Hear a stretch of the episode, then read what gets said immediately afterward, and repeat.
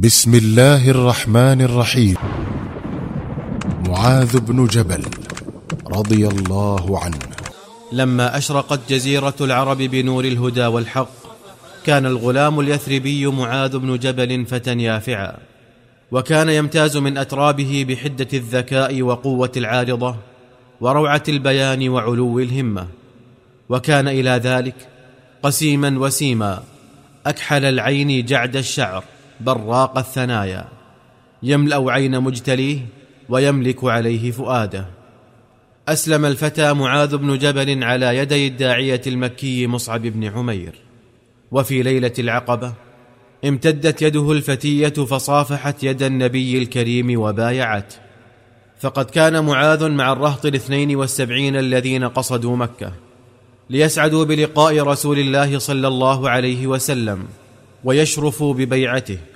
وليخطوا في سفر التاريخ أروع صفحة وأزهاها. وما إن عاد الفتى من مكة إلى المدينة حتى كون هو ونفر صغير من لداته جماعة لكسر الأوثان وانتزاعها من بيوت المشركين في يثرب في السر أو في العلن. وكان من أثر حركة هؤلاء الفتيان الصغار أن أسلم رجل كبير من رجالات يثرب هو عمرو بن الجموح. كان عمرو بن الجموح سيدا من سادات بني سلمة وشريفا من أشرافهم وكان قد اتخذ لنفسه صنما من نفيس الخشب كما كان يصنع الأشراف. وكان شيخ بني سلمة يعنى بصنمه هذا أشد العناية فيجلله بالحرير ويضمخه كل صباح بالطيب. فقام الفتيان الصغار إلى صنمه تحت جنح الظلام وحملوه من مكانه وخرجوا به إلى خلف منازل بني سلمة وألقوه في حفرة كانت تجمع فيها الأقذار. فلما أصبح الشيخ افتقد صنمه فلم يجده وبحث عنه في كل مكان حتى ألفاه مكبا على وجهه في الحفرة غارقا في الأقذار. فقال ويلكم من عدا على إلهنا في هذه الليلة. ثم أخرجه وغسله وطهره وطيبه وأعاده إلى مكانه وقال له أيمناه والله لو أني أعلم من صنع بك هذا لأخزيته. فلما امسى الشيخ ونام تسلل الفتية إلى صنمه وفعلوا به ما فعلوه في الليلة السابقة. فما زال يبحث عنه حتى وجده في حفرة أخرى من تلك الحفر. فأخرجه وغسله وطهره وعطره وتوعد من عدوا عليه أشد الوعيد.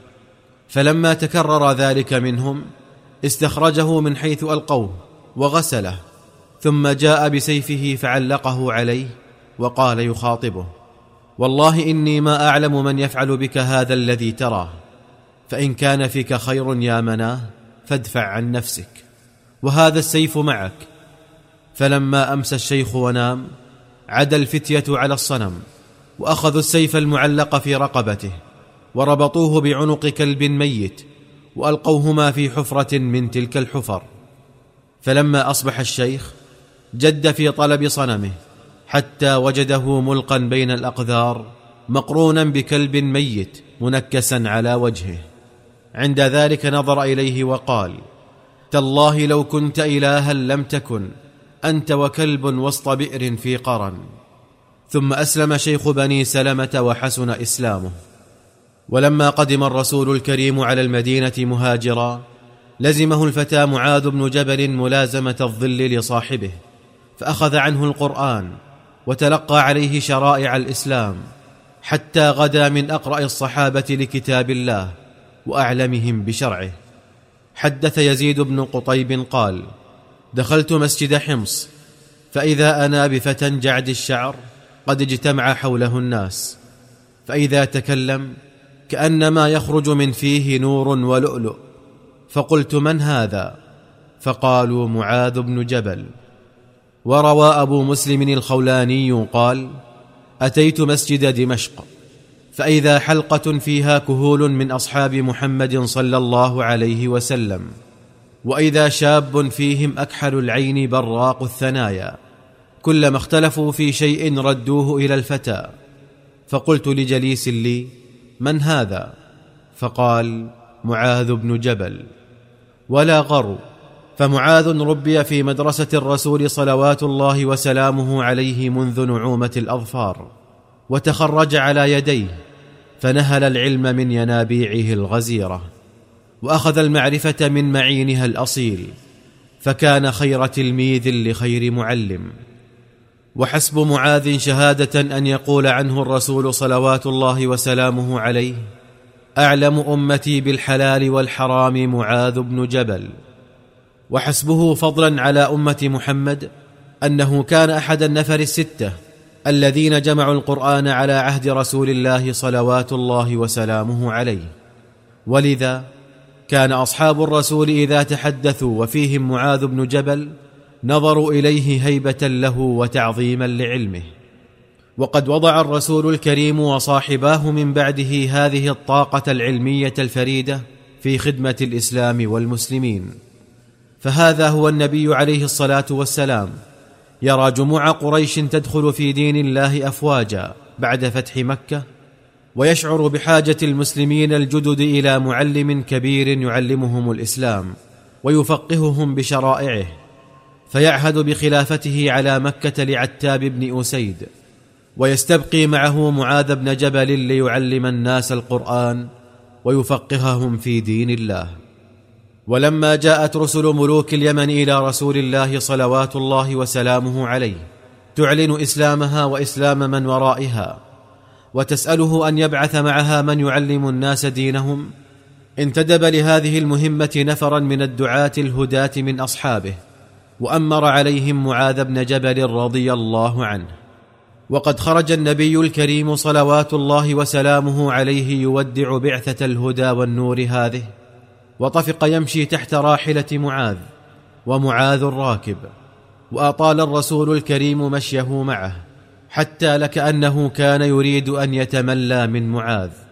ثم أوصاه وقال له يا معاذ إنك عسى الا تلقاني بعد عامي هذا ولعلك أن تمر بمسجدي وقبري. فبكى معاذ جزعا لفراق نبيه وحبيبه محمد صلوات الله وسلامه عليه. وبكى معه المسلمون. وصدقت نبوءة الرسول الكريم. فما اكتحلت عينا معاذ رضي الله عنه برؤية النبي عليه الصلاة والسلام بعد تلك الساعة. فقد فارق الرسول الكريم الحياة قبل أن يعود معاذ من اليمن. ولا ريب في أن معاذا بكى لما عاد إلى يثرب فألفاها قد أقفرت من أنس حبيبه رسول الله. ولما ولي الخلافة عمر بن الخطاب رضي الله عنه أرسل معاذا إلى بني كلاب ليقسم فيهم أعطياتهم ويوزع على فقرائهم صدقات أغنيائهم. فقام بما عهد إليه من أمر وعاد إلى زوجه بحلسه الذي خرج به يلفه على رقبته فقالت له امرأته اين ما جئت به مما يأتي به الولاة من هدية لأهليهم؟ فقال لقد كان معي رقيب يقظ يحصي علي. فقالت قد كنت أمينا عند رسول الله وأبي بكر ثم جاء عمر فبعث معك رقيبا يحصي عليك.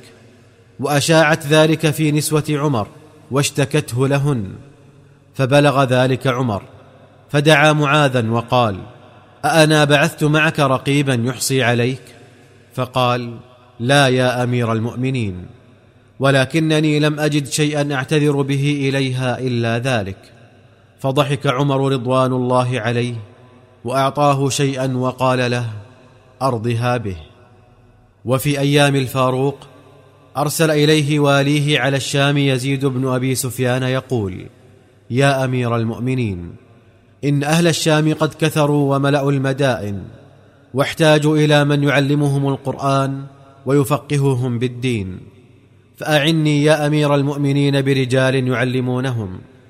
فدعا عمر النفر الخمسة الذين جمعوا القرآن في زمن النبي عليه الصلاة والسلام وهم معاذ بن جبل وعبادة بن الصامت وأبو أيوب الأنصاري وأبي بن كعب وأبو الدرداء وقال لهم إن إخوانكم من أهل الشام قد استعانوني بمن يعلمهم القرآن ويفقههم في الدين فأعينوني رحمكم الله بثلاثة منكم فإن أحببتم فاقترعوا والا انتدبت ثلاثة منكم فقالوا ولم نقترع؟ فأبو أيوب شيخ كبير وأبي رجل مريض وبقينا نحن الثلاثة.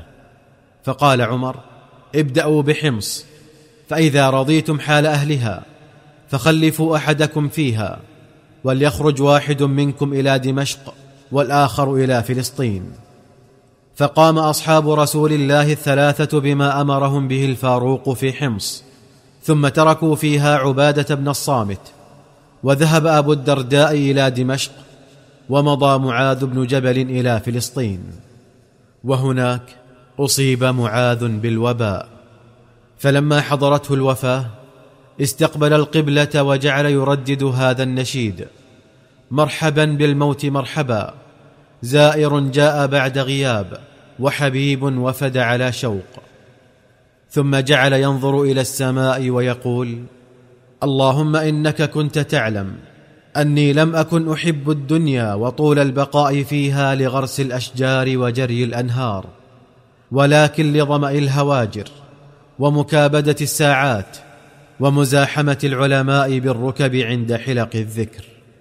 اللهم فتقبل نفسي بخير ما تتقبل به نفسا مؤمنة. ثم فاضت روحه الطاهرة بعيدا عن الأهل والعشير داعيا إلى الله مهاجرا في سبيله.